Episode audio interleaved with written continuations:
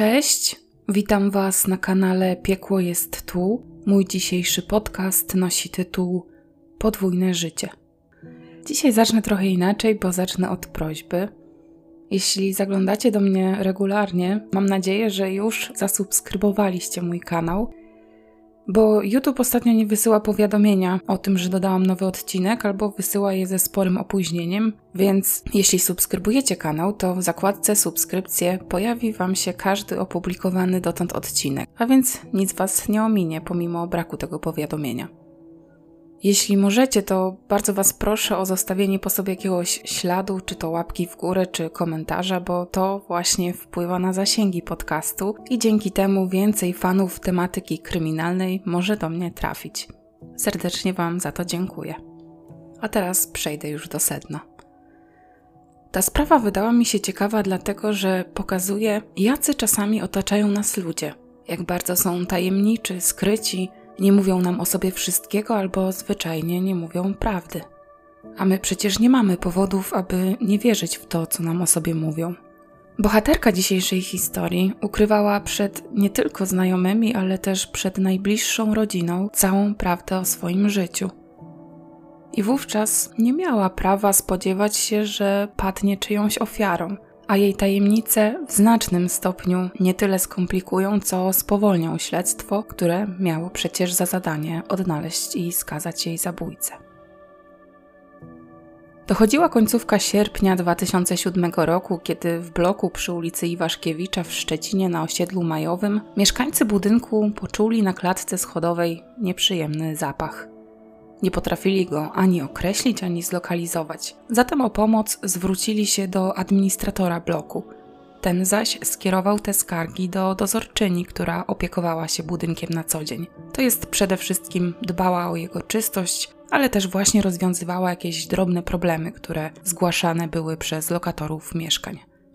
I tak też było właśnie tego dnia, gdy zaniepokojony mieszkaniec tego bloku zadzwonił do administratora z prośbą o sprawdzenie piwnicy, która mieściła się w tym bloku, bowiem najprawdopodobniej źródło zapachu było właśnie w niej. Ani on, ani żaden inny mieszkaniec tego bloku, który był wówczas obecny na miejscu, nie miał do tej piwnicy dostępu i nie mógł tego sprawdzić samodzielnie. Administrator zaś przekazał prośbę zaniepokojonego lokatora do pani Lidii, kobiety, która zatrudniona była jako dozorczyni bloku. Następnego dnia rano po tym telefonie, 23 sierpnia 2007 roku w czwartek około godziny 8, pani Lidia zjawiła się w budynku wraz ze swoim mężem. Para od razu skierowała swoje kroki do piwnicy. Już od samego wejścia do klatki zrozumiała, o jaki zapach chodziło mieszkańcom – Pomyślała jednak, że w pomieszczeniu musiało rozłożyć się jakieś zwierzę szczur czy kot. Tego typu właśnie był to zapach. W każdym razie, w najgorszych pewnie snach, kobieta i jej mąż nie spodziewali się tego, co ujrzeli po otwarciu drzwi do piwnicy.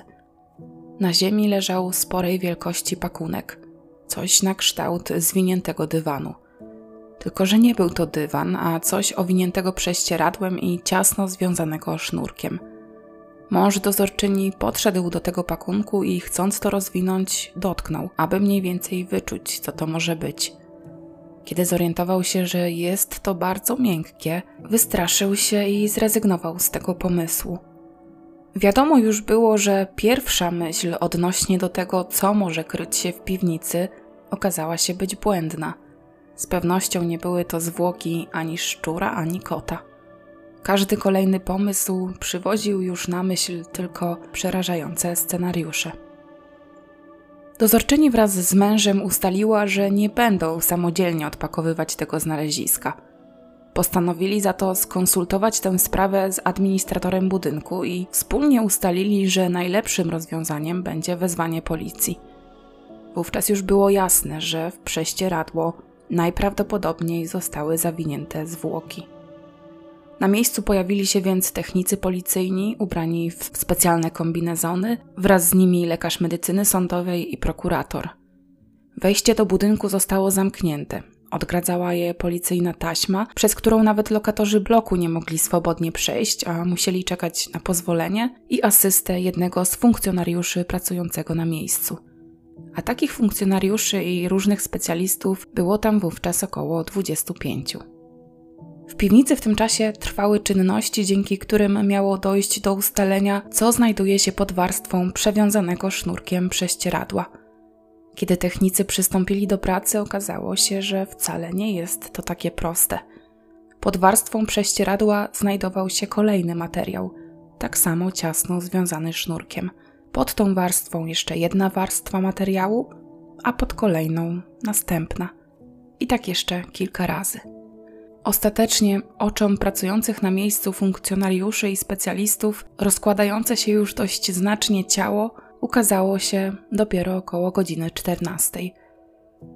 Zwłoki leżały w piwnicy najpewniej kilka tygodni. Udało się to ustalić na podstawie stopnia ich rozkładu.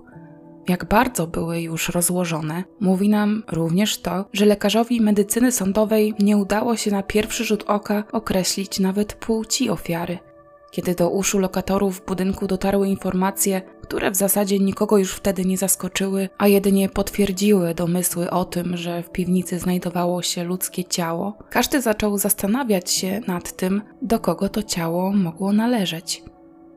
Nie znaleziono przy nim bowiem żadnych dokumentów ani charakterystycznych rzeczy osobistych, które należały do ofiary. Konkretną osobę zasugerowała dozorczyni budynku, pani Lidia Kobieta bowiem znała jedną z mieszkanek tego bloku, właściwie opiekowała się nawet jej mieszkaniem pod jej nieobecność, bowiem właścicielka, usytuowanego na parterze mieszkania, rzadko w nim bywała. Pracowała za granicą i to właśnie tam spędzała większość czasu. Pani Lidia zaś posiadała klucze do jej mieszkania, bo pod nieobecność kobiety dbała o to mieszkanie. Między innymi podlewała rośliny, ale też ogólnie doglądała, czy wszystko jest tam w porządku. Z tą kobietą jednak pani Lidia ostatni kontakt miała na początku lipca, a więc już prawie dwa miesiące wcześniej. Anita, bo właśnie tak miała na imię właścicielka mieszkania, zadzwoniła do pani Lidii i powiadomiła ją, że przyjedzie do Szczecina za około dwa, może trzy tygodnie. Jednak dozorczyni kobiety tej od czasu tego ostatniego telefonu już ani nie widziała, ani nie miała z nią później kontaktu. Co było jeszcze dość niepokojące, to to, że oprócz dozorczyni klucze do piwnicy miała właśnie Anita. Jako jedyna, pomijając dozorczynię, ze wszystkich mieszkańców budynku miała do tej piwnicy dostęp. Piwnica ta nie zawierała takich standardowych komórek przypisanych do każdego mieszkania znajdującego się w danej klatce schodowej, które służą mieszkańcom na przykład do przechowywania niepotrzebnych rzeczy albo jako spiżarnia, jak to na ogół bywa w blokach. Było to jedno duże pomieszczenie, w którym mieściły się główne zawory. Zatem dostęp do niego nikomu tak naprawdę nie był potrzebny. Anita otrzymała swój komplet kluczy od poprzedniego właściciela mieszkania, który wraz z żoną zrobił sobie tam całkiem nielegalnie małe pomieszczenie, które właśnie miało służyć za taki mały składzik czy schowek. I Anita przyjęła te klucze, ale na ogół nawet z nich nie korzystała. Kiedy pani Lidia wskazała ten trop policjantom, ci postanowili porozmawiać z lokatorami budynku. Chodziło o to, aby ustalić, czy Anita przez kogokolwiek z nich była w ostatnim czasie widziana. Jak się okazało, kilkoro sąsiadów faktycznie widziało tę kobietę, ale dawno temu, bo właściwie tak około miesiąc wcześniej, pod koniec lipca. Nikt też szczególnie nie zwracał na nią uwagi, bo Anita była tam, można powiedzieć, nowa. Właścicielką mieszkania była od zaledwie roku, a przez ten rok rzadko pojawiała się w bloku. Nie zdążyła więc jeszcze zapoznać się ze swoimi sąsiadami. Owszem, była z nimi na dzień dobry, ale nie wchodziła w żadne zażyłości. Nic więc dziwnego, że sąsiedzi nie interesowali się tym, kiedy i czy w ogóle kobieta przyjechała do Szczecina. Jedynie były właściciel mieszkania, mężczyzna, od którego Anita je kupiła, był w stanie na 100% stwierdzić, że miesiąc wcześniej, czyli pod koniec lipca, ktoś na pewno był w mieszkaniu. On, przechodząc czy też przejeżdżając obok, widział świecące się w nim światło.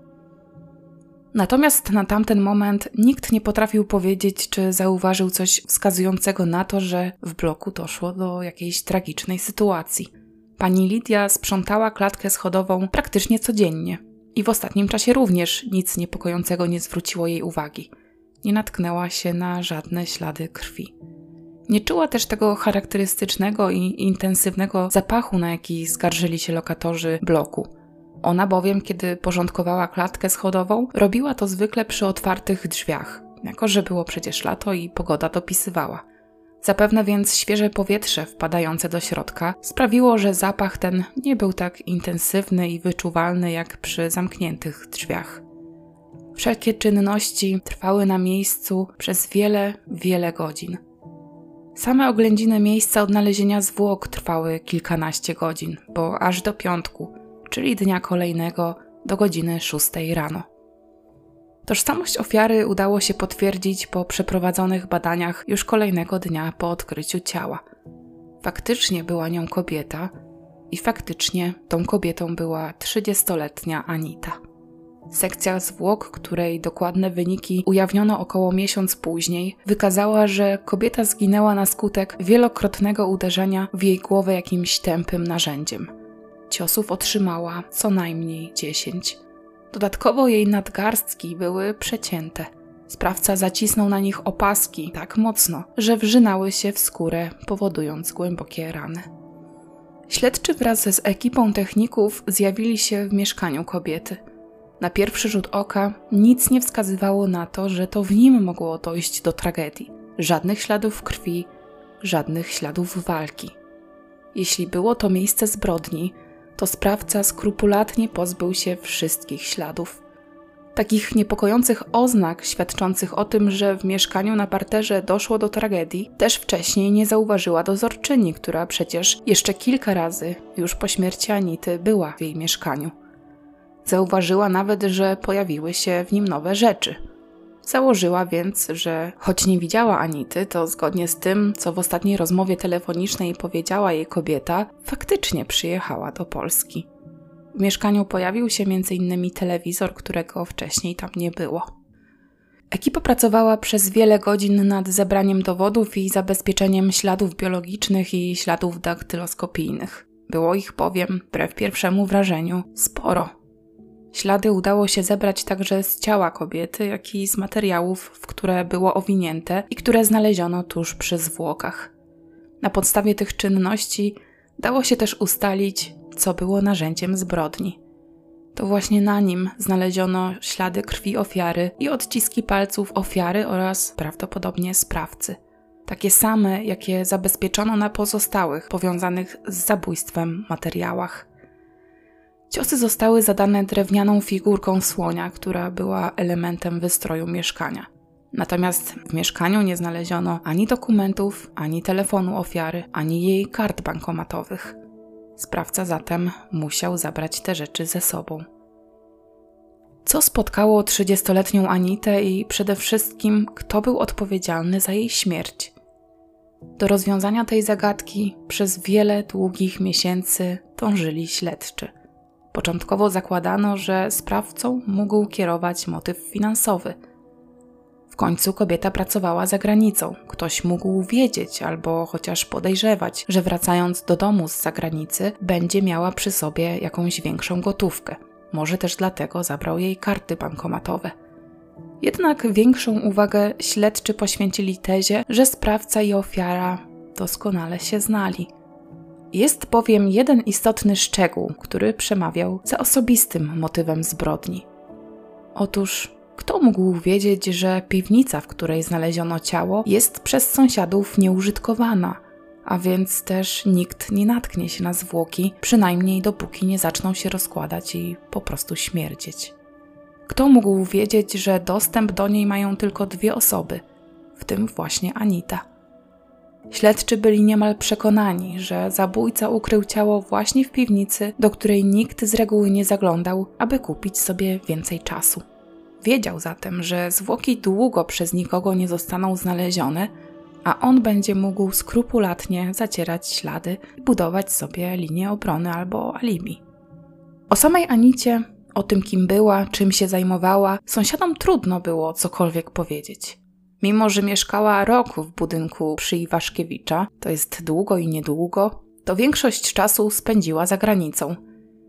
Natomiast na tyle, na ile udało im się ją poznać, czy też wyciągnąć jakieś wnioski z obserwacji, twierdzili, że była bardzo miłą, uśmiechniętą, kulturalną kobietą.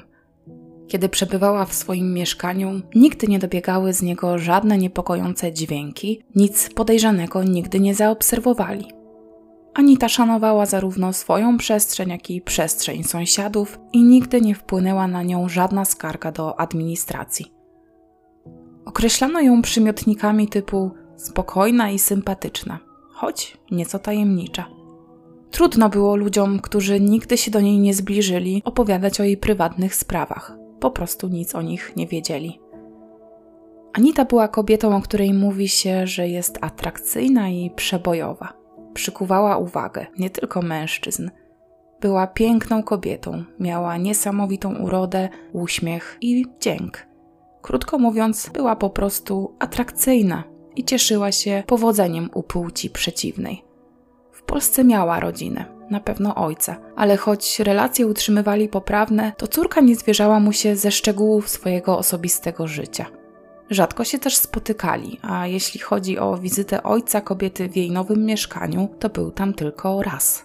Mężczyźnie też trudno było typować, czy w kręgu jej znajomych był ktoś, kto byłby zdolny ją zabić, czy też ktoś, kogo zraniła, może odrzuciła, i ten ktoś w ramach zemsty mógłby odebrać jej życie. Zanim Anita wyjechała za granicę, poznała chłopaka o imieniu Maciek i wkrótce stworzyła z nim związek. Związek ten był na ogół udany, ale jak to w relacjach na odległość, a taką właśnie ta wkrótce się stała, dochodziło w nim do różnych sprzeczek, głównie powodowanych tęsknotą i frustracją, którą powodowało oczekiwanie na powrót kobiety. Anita raczej skupiała się bardziej na układaniu sobie życia w Holandii, do której regularnie wyjeżdżała, niż dbanie o relacje, które zostawiła w Polsce. Za granicę zresztą jeździła już kilka lat, przynajmniej pięć. Początkowo zatrzymała się w Niemczech. Tam pomógł jej odnaleźć się starszy przyjaciel, Waldemar, który pozwolił jej u siebie pomieszkiwać i ogólnie wspierał ją, gdy szukała pracy. Później zaczęła wyjeżdżać właśnie do Holandii. Anita dzieliła swoje życie między rodzinę, znajomych i chłopaka w Polsce, a pracę i znajomych za granicą. Jak się jednak okazuje, mało kto wiedział o niej całą prawdę – a może właściwie do końca nie znał jej nikt. Anita podawała różnym osobom różne wersje tego, czym zajmowała się za granicą. Koleżankom opowiadała, że albo opiekuje się starszym małżeństwem, albo pracuje w sklepie, zaś jej chłopak Maciej myślał, że kobieta jest tam sprzątaczką. Jako, że nie było punktu zaczepienia, śledczy byli zmuszeni poszukać pomocy w Holandii, kogoś, kto mógłby pomóc im zorientować się w życiu prywatnym kobiety, tym, które prowadziła właśnie za granicą. Podejrzewali bowiem, że to właśnie tam poznała ona swojego zabójcę. Udało się dotrzeć do źródła, choć trwało to kilka długich tygodni. Kiedy śledczy dotarli do znajomych Anity, dowiedzieli się wielu ciekawych rzeczy. Okazało się, że trzydziestolatka prowadziła podwójne życie. Kiedy Anita zaczęła wyjeżdżać z kraju, tak jak już wspomniałam wcześniej, zatrzymywała się u przyjaciela w Niemczech. Mieszkanie tego mężczyzny znajdowało się bardzo blisko granicy z Holandią. Jednak kobieta nie pracowała ani jako sprzątaczka, ani jako opiekunka do osób starszych, ani też nie pracowała w sklepie. Tę wersję jedynie wymyśliła i przedstawiała znajomym i rodzinie w Polsce. Otóż Anita pracowała jako kobieta do towarzystwa, a mówiąc wprost, umawiała się z mężczyznami, którzy płacili jej za seks. Była naprawdę piękną kobietą i cieszyła się sporym powodzeniem. Zatem w tej branży radziła sobie bardzo dobrze i zarabiała dobre pieniądze. Początkowo umieszczała ogłoszenia w gazetach, tam podawała swój numer telefonu. Z potencjalnymi klientami kontaktowała się najpierw przez rozmowę telefoniczną, a podczas tej rozmowy umawiała się z nimi w pobliskich hotelach.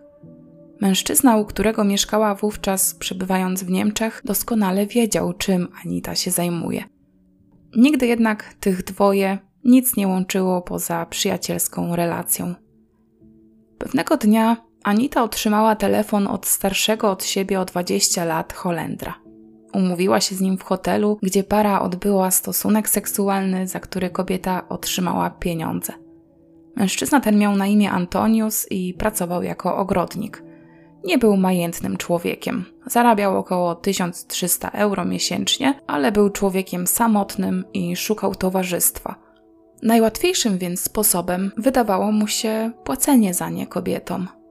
Na pierwszym spotkaniu, które zresztą okazało się być bardzo miłe, zarówno chyba dla Anity, jak i dla niego, się nie skończyło. Kobieta przypadła mu do gustu, a więc później jeszcze kilka razy korzystał z usług, które oferowała. Ale wkrótce przestał umawiać się z Anitą na intymne spotkania, ponieważ parę połączyła jakaś więź. Zaczęła się ze sobą po prostu przyjaźnić. Wówczas Antonius nie chciał już płacić kobiecie za seks Zaczął ją traktować jak dobrą znajomą albo i nawet przyjaciółkę, z którą bardzo lubił spędzać czas. Odtąd zawsze mogła liczyć na jego wsparcie i pomoc. Zabierał ją na wycieczki, spędzali ze sobą czas, tak jak para przyjaciół. Ale Antonius, choć przed Anitą nie miał żadnych tajemnic, to nie mógł liczyć na wzajemność. Anita była skryta i bardzo dbała o swoją prywatność choć spotykali się już jakiś czas i sama regularnie bywała w mieszkaniu mężczyzny, to nigdy nie zaprosiła go do siebie. Zatem nie znał on nawet adresu, pod którym mieszkała za granicą. Później kobieta zatrudniła się w klubie nocnym, znajdującym się na terenie Holandii. Tam zaprzyjaźniła się z kilkoma kobietami, które, podobnie jak ona, pochodziły z Polski i którym z czasem zaufała i też zaczęła się zwierzać. Opowiadała wtedy, że jest zakochana w pewnym mężczyźnie, który był piłkarzem. Miał na imię Roger. To właśnie dla niego planowała zerwać z dotychczasowym życiem w Polsce oraz tym, które prowadziła za granicą i stworzyć z mężczyzną poważną relację. Ukrywała przed nim to, czym naprawdę się zajmowała. Utrzymywała taką wersję jak przed swoimi znajomymi i bliskimi w Polsce. Anita jednak miała nadzieję, że z tego związku zrodzi się coś poważnego i dążyła do tego, aby właśnie tak było. Chciała założyć z tym mężczyzną rodzinę, mieć z nim dzieci, kiedyś tam postawić dom. Ale jeśli chodzi o to, co z tym życiem w Polsce, to wcale z nim nie zerwała. Koleżankom w Holandii nigdy nie wspomniała o tym, że w Polsce też ma chłopaka. Zaś koleżankom w Polsce, z którymi też utrzymywała regularny kontakt, zwierzała się, że z Maćkiem zamierza zerwać. Ale też nic nie wspomniała o tym, że poznała kogoś innego. Nie wiadomo, jak długo trwał związek Anity z Rogerem i tym samym jak długo chłopak kobiety, ten, który został w Polsce, był przez nią oszukiwany. A właściwie obaj mężczyźni byli oszukiwani. Ostatecznie oba związki Anity rozpadły się ten, na którym zależało jej jednak mimo wszystko najbardziej, czyli związek z holenderskim piłkarzem, zakończył się kilka tygodni przed jej śmiercią. Mężczyzna ten od jakiegoś czasu już podejrzewał, że jego ukochana ma przed nim jakieś tajemnice. Nie tylko bowiem nie zdawał sobie wcześniej sprawy z tego, że kobieta spotyka się z różnymi mężczyznami, od których bierze pieniądze za seks, ale też nie wiedział nic o jej drugim życiu w Polsce. Kiedy kłamstwa powoli zaczęły wypływać na wierzch, a Anita nie potrafiła się z nich wytłumaczyć i wciąż mieszała się w zeznaniach, postanowił od niej odejść. Kobieta bardzo źle zniosła to rozstanie. Pokładała bowiem wielkie nadzieje w tej relacji i tak naprawdę tylko dla niej była w stanie zakończyć dotychczasowy tryb życia. Było już jednak za późno. Prawda okazała się być dla Rogera nie do zniesienia. Z Maćkiem prawdopodobnie Anita zerwała sama. Szybko jednak postanowiła, że po obu rozstaniach się podniesie, stanie na nogi i będzie korzystać z życia. Tuż przed przyjazdem do Polski na wakacje w 2007 roku umówiła się z przyjaciółką Agatą, że pojadą razem nad morze. Kobiety znały się z ostatniej pracy, jaką Anita podjęła w Polsce, czyli z butiku, który znajdował się w jednej ze szczecińskich galerii handlowych. Początkowo Anita wyjeżdżała z kraju, wciąż będąc zatrudnioną w Szczecinie. Z pracy w butiku zrezygnowała dopiero wiosną 2007 roku i postanowiła wtedy, że zostanie za granicą na dłużej. Zwłaszcza, że wówczas miała już bardzo poważne plany względem Rogera, z którym spotykała się już jakiś czas. ale jak wiemy, ten związek jednak nie przetrwał. W wakacje 2007 roku kobieta zamierzała zostać w Polsce troszkę dłużej niż zwykle. Potrzebowała resetu, odpoczynku i postanowiła skorzystać z towarzystwa swojej przyjaciółki, którą bardzo dobrze znała. Ale Agata, choć była jedną z najbliższych Anicie osób, również nie znała o niej całej prawdy. Jej też kobieta kłamała na temat tego, czym zajmowała się za granicą. Absolutnie nikt z jej bliskich nie wiedział, że pieniądze, które posiadała, a posiadała ich sporo, skoro stać ją było na kupno własnego mieszkania w Szczecinie i inne drogie przedmioty, które zwracały uwagę osób trzecich, zarabiała sypiając różnymi mężczyznami.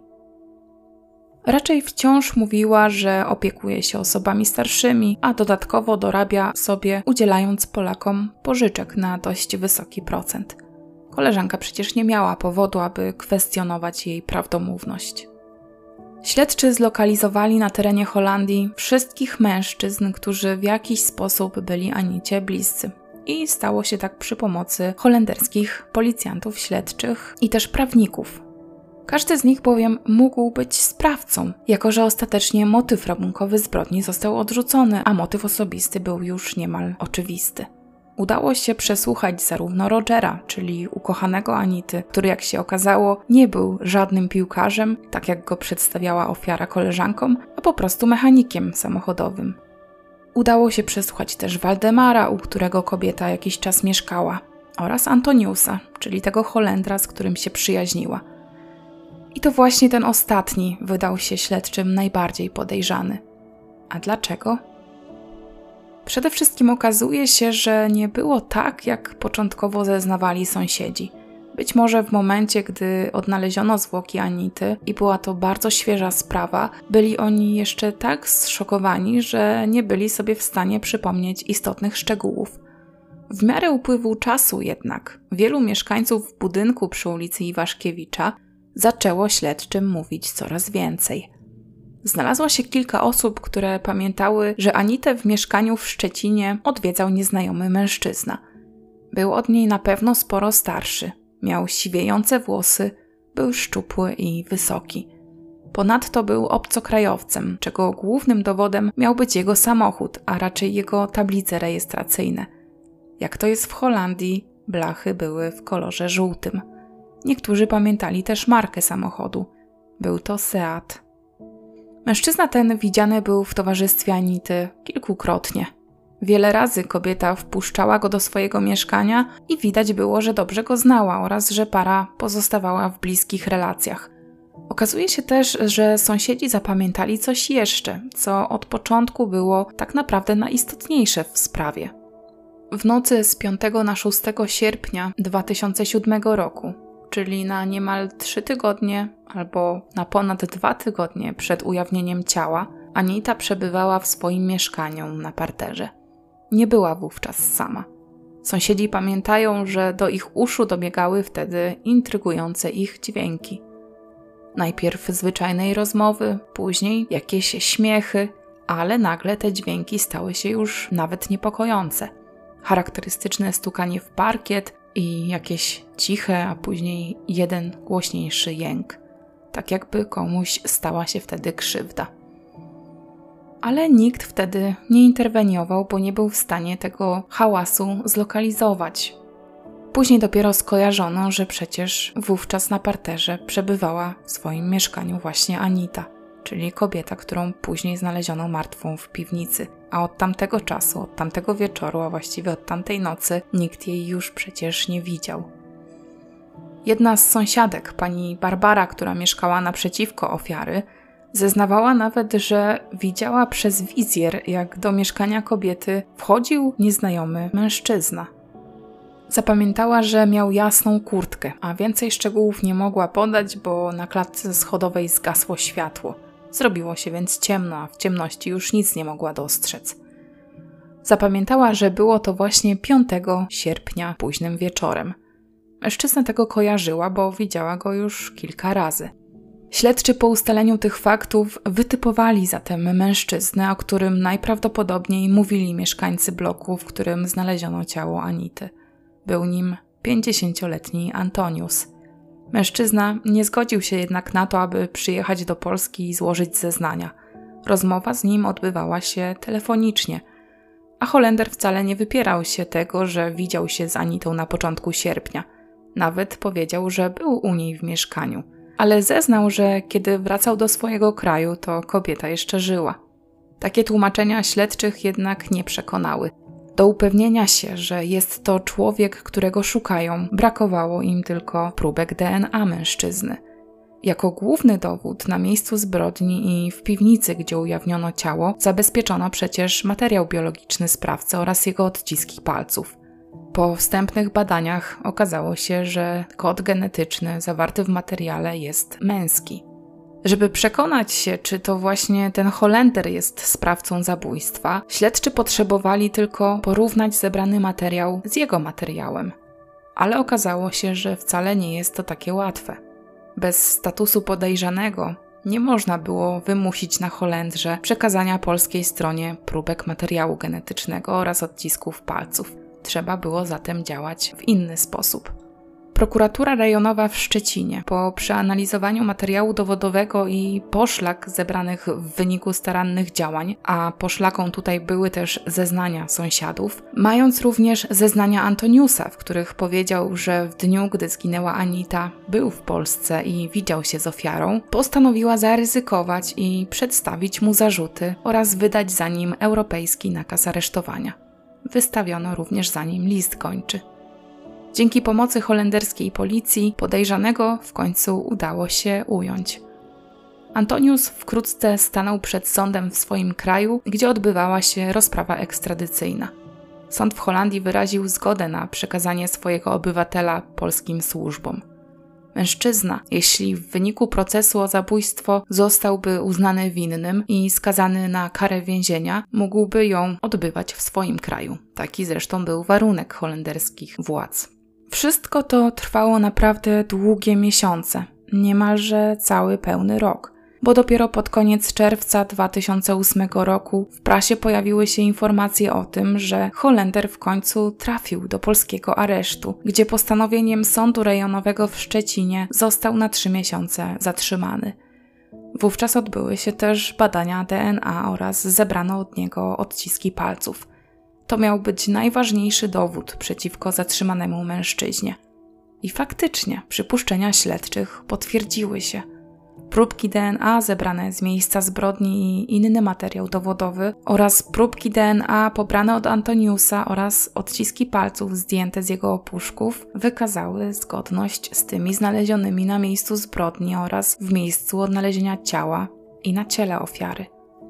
Jego odciski palców znajdowały się na sznurze, którym skrępowane były zwłoki, a właściwie prześcieradła, w które zawinięte były zwłoki, na lateksowych rękawiczkach, które były porzucone obok zawiniętych w warstwy pościeli zwłok, oraz na doniczce w mieszkaniu i na drewnianym słoniu od ciosu, w którym zginęła trzydziestolatka.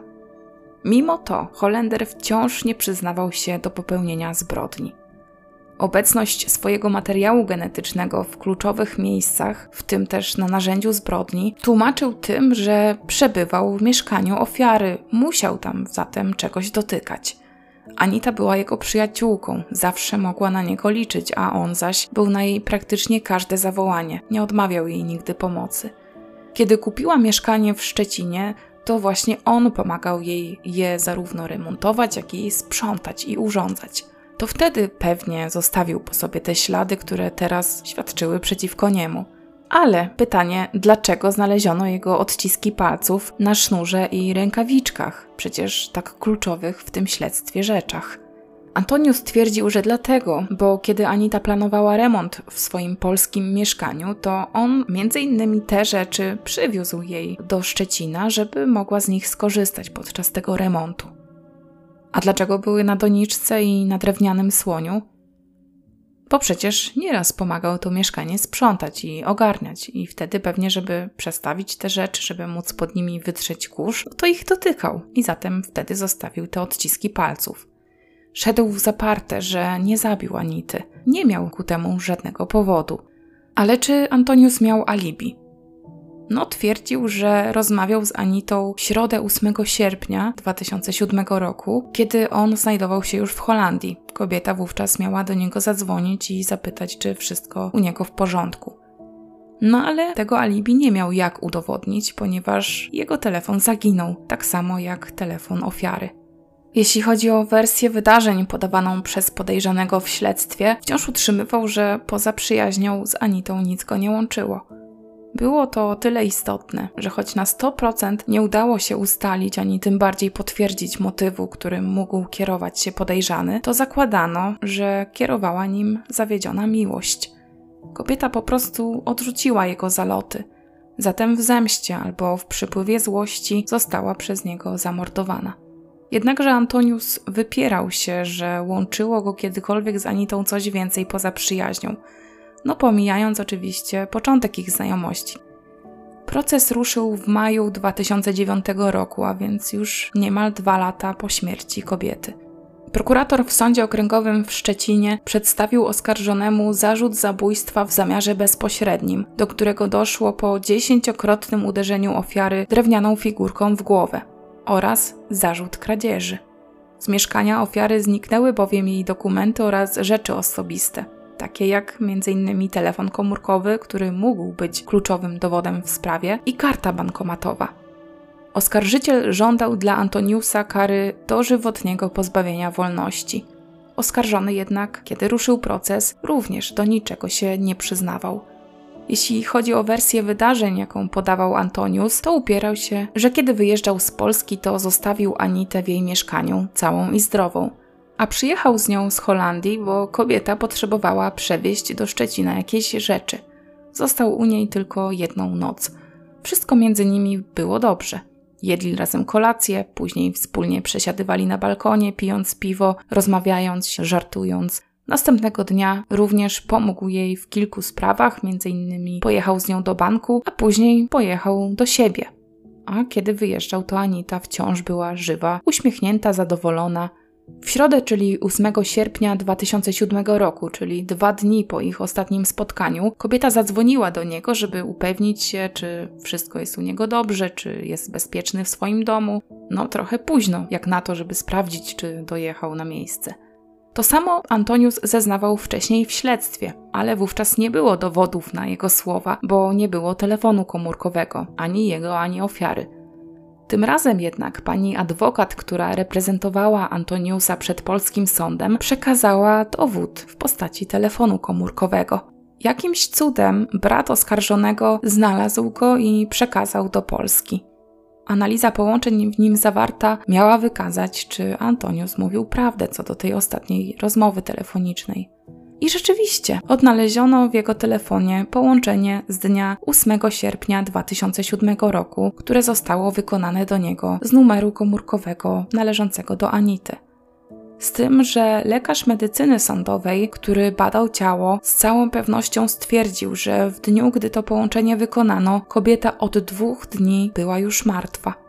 Zatem sąd nie był w stanie ustalić, kto dzwonił z numeru ofiary na numer oskarżonego choć adwokat mężczyzny upierała się, że jest to dowód na niewinność i tym samym prawdomówność Antoniusa. Sąd jednak stwierdził, że nie da się tego w żaden sposób potwierdzić. Telefon ofiary nigdy nie został odnaleziony. Należy przyjąć, że sprawca zabrał go ze sobą.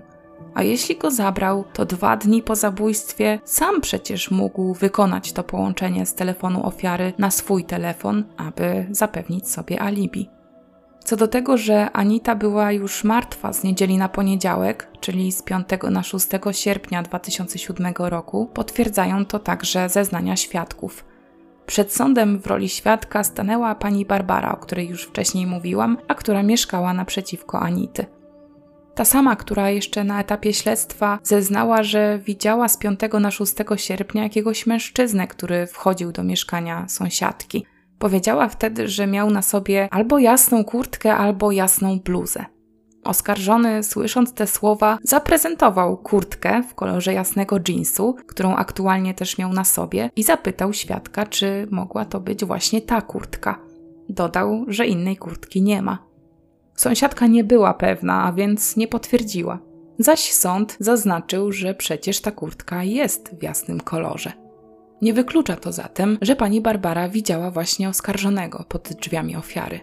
To, co jeszcze kobieta zapamiętała z tej nocy, to jakieś dziwne dźwięki dobiegające z mieszkania obok.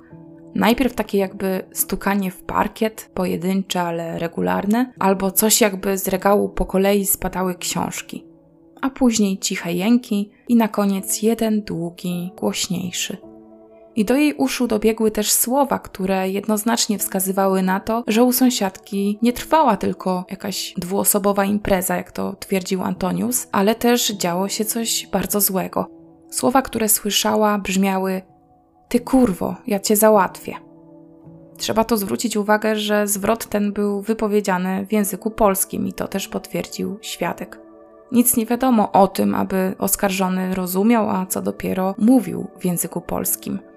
Na ile więc można wierzyć pani Barbarze, to nie wiadomo. Ona była chyba jedynym świadkiem, który rozpoznał w oskarżonym mężczyznę, który przebywał u ofiary w noc, kiedy zginęła. Powiedziała wtedy, że wyglądał jak Mick Jagger, a właściwie Antonius rzeczywiście przypomina tego wokalistę. Sąd zwrócił uwagę na to, że składając zeznania jeszcze na etapie śledztwa, pani Barbara nieco je ubarwiła i podawała też inną godzinę niż podawała podczas procesu. Kobieta przyznała się, że ma tendencję do wyolbrzymiania i być może nie wszystko, co powiedziała, faktycznie było prawdą. Ale czy sąd ocenił jej zeznania w procesie jako wiarygodne? Na to nie ma odpowiedzi. Myślę, że na to pytanie trochę odpowie uzasadnienie wyroku, o którym powiem za chwilę. Kolejna sąsiadka, mieszkająca nad Anitą wraz ze swoim mężem, zeznała, że około pierwszej w nocy, gdy oglądała właśnie z mężem telewizję, coś nagle zakłóciło ich spokój. Zwrócili uwagę na ten hałas, bo nigdy wcześniej nic podobnego ich nie niepokoiło. Brzmiało to jak kobiecy krzyk. Najpierw kilka pojedynczych, później jeden ciągły. Był przerażający. Ale pani Małgorzata nie umiała dojść do tego, skąd ten krzyk dobiegał. Pamiętała jeszcze tylko, że z przerażeniem powiedziała wtedy do męża, że chyba kogoś mordują. Podobny krzyk słyszał mieszkaniec sąsiedniego bloku, który miał w mieszkaniu wtedy otwarte okno. Uznał jednak, że to zapewne jacyś imprezowicze zachowują się głośno i nie powiązał tych krzyków z zabójstwem, tak jak pani Małgorzata. Oskarżony, słuchając tych zeznań, powiedział, że tej nocy owszem, było głośno w mieszkaniu ofiary, ale ona nie krzyczała, a po prostu tak głośno się śmiała. Widocznie miała taki przerażający śmiech, zdaniem oskarżonego. Para bowiem siedziała wtedy na balkonie przy piwie i prowadziła ze sobą swobodną rozmowę, dlatego dźwięki się tak niosły. Znajome Anity, które pracowały z nią w nocnym klubie, Wiedziały o istnieniu Antoniusa, którego ofiara przedstawiała imieniem Tom. Mówiły o tym, że kobieta faktycznie zwierzała się koleżankom z tego, że w jej życiu jest starszy mężczyzna, który walczył o jej względy, zaś dla niej była to tylko przyjaźń. Koleżanki podejrzewały, że tym mężczyzną był właśnie oskarżony.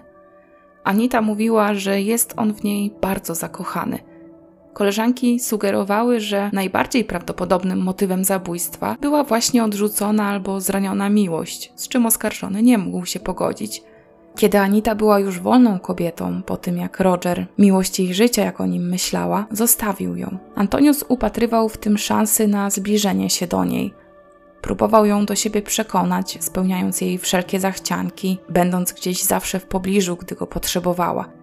Kiedy jednak kobieta ostatecznie rozwiała jego nadzieję, mówiąc, że między nimi nigdy nie będzie nic ponad przyjaźń, mógł się zdenerwować i w przypływie złości chwycić pierwszy lepszy przedmiot, jaki miał pod ręką i nim zadawać ofierze ciosy w głowę, aż do momentu, aż straciła przytomność i się wykrwawiła, bo właśnie taka była przyczyna jej śmierci. Przyjaciółka Anity, Agata, z którą kobieta miała wyjechać w sierpniu nad morze, kontaktowała się z nią wielokrotnie już po deklaracji wspólnego wyjazdu, bo czekała na ten wyjazd, był dla niej ważny, chciała też spędzić trochę czasu z Anitą. Ofiara zaś nie odbierała już później od niej telefonów i nie odpowiadała też na wiadomości, które zaniepokojona przyjaciółka jej wysyłała, żeby sprawdzić po pierwsze, czy wszystko u niej w porządku, a po drugie, czy wyjazd, na który się umawiały, jest aktualny. Okazuje się jednak, że wówczas, kiedy te wiadomości i telefony Agata wykonywała, to Anita już po prostu nie żyła. Sąd Okręgowy w Szczecinie w październiku 2009 roku ogłosił wyrok. Uznał, że oskarżony jest winny zarówno zabójstwa, jak i kradzieży. Za pierwszy czyn wymierzył mu karę 15 lat pozbawienia wolności, za drugi wyrok 8 miesięcy pozbawienia wolności. Łączny wyrok wyniósł 15 lat pozbawienia wolności. Okolicznością łagodzącą, wpływającą na taki wyrok, niski, bo niski, umówmy się, była przede wszystkim uprzednia niekaralność sprawcy oraz nienaganna opinia w społeczeństwie. Na niekorzyść zaś brutalność i bezwzględność, z jaką działał, i skrupulatność w zacieraniu śladów.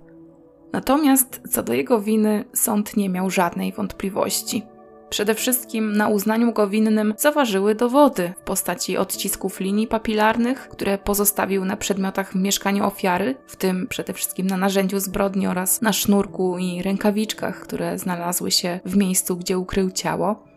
Pewności, że to właśnie Antonius jest sprawcą zabójstwa, dodawał fakt, że na wymienionych wcześniej rzeczach ujawniono wyłącznie jego odciski palców oraz odciski palców ofiary. Nikogo więcej.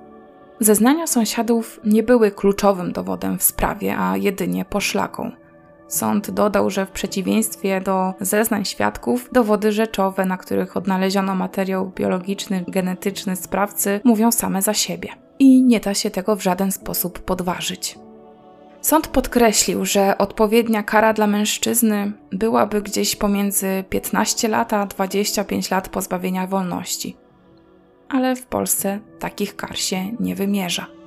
Z tego powodu o warunkowe zwolnienie Holender będzie mógł się starać po odbyciu 12 lat pozbawienia wolności. Kiedy wyrok się uprawomocnił, Antonius mógł wrócić do swojego kraju, gdzie odbył resztę wyroku, bowiem na poczet kary zaliczono mu też czas, który spędził w areszcie śledczym, oczekując na zakończenie procesu.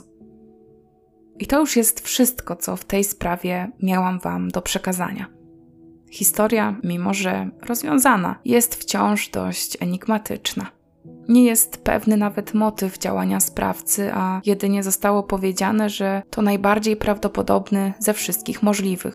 Antonius przecież do końca utrzymywał, że nie miał powodów, aby Anitę zabić. Czy więc koleżanki ofiary miały rację, że mężczyzna był w niej zakochany i liczył na coś więcej? Może gdyby ofiara nie była tak skryta, może gdyby była szczera wobec swoich znajomych, przyjaciół, bliskich, ta sprawa potoczyłaby się zupełnie inaczej. Tymczasem ja już się z Wami żegnam. Dziękuję za każdą Waszą reakcję pod odcinkami. Jestem naprawdę niesamowicie wdzięczna za Wasze wsparcie. Też za to, że niektórzy, chociaż słuchają mnie na Spotify, to jednak przychodzą tutaj, żeby napisać chociaż komentarz, żeby zostawić po sobie ślad. Jest to bardzo dla mnie ważne i bardzo miłe, za co dziękuję. Przytulam każdego, kto dzisiaj tego potrzebuje i mam nadzieję, że słyszymy się niebawem.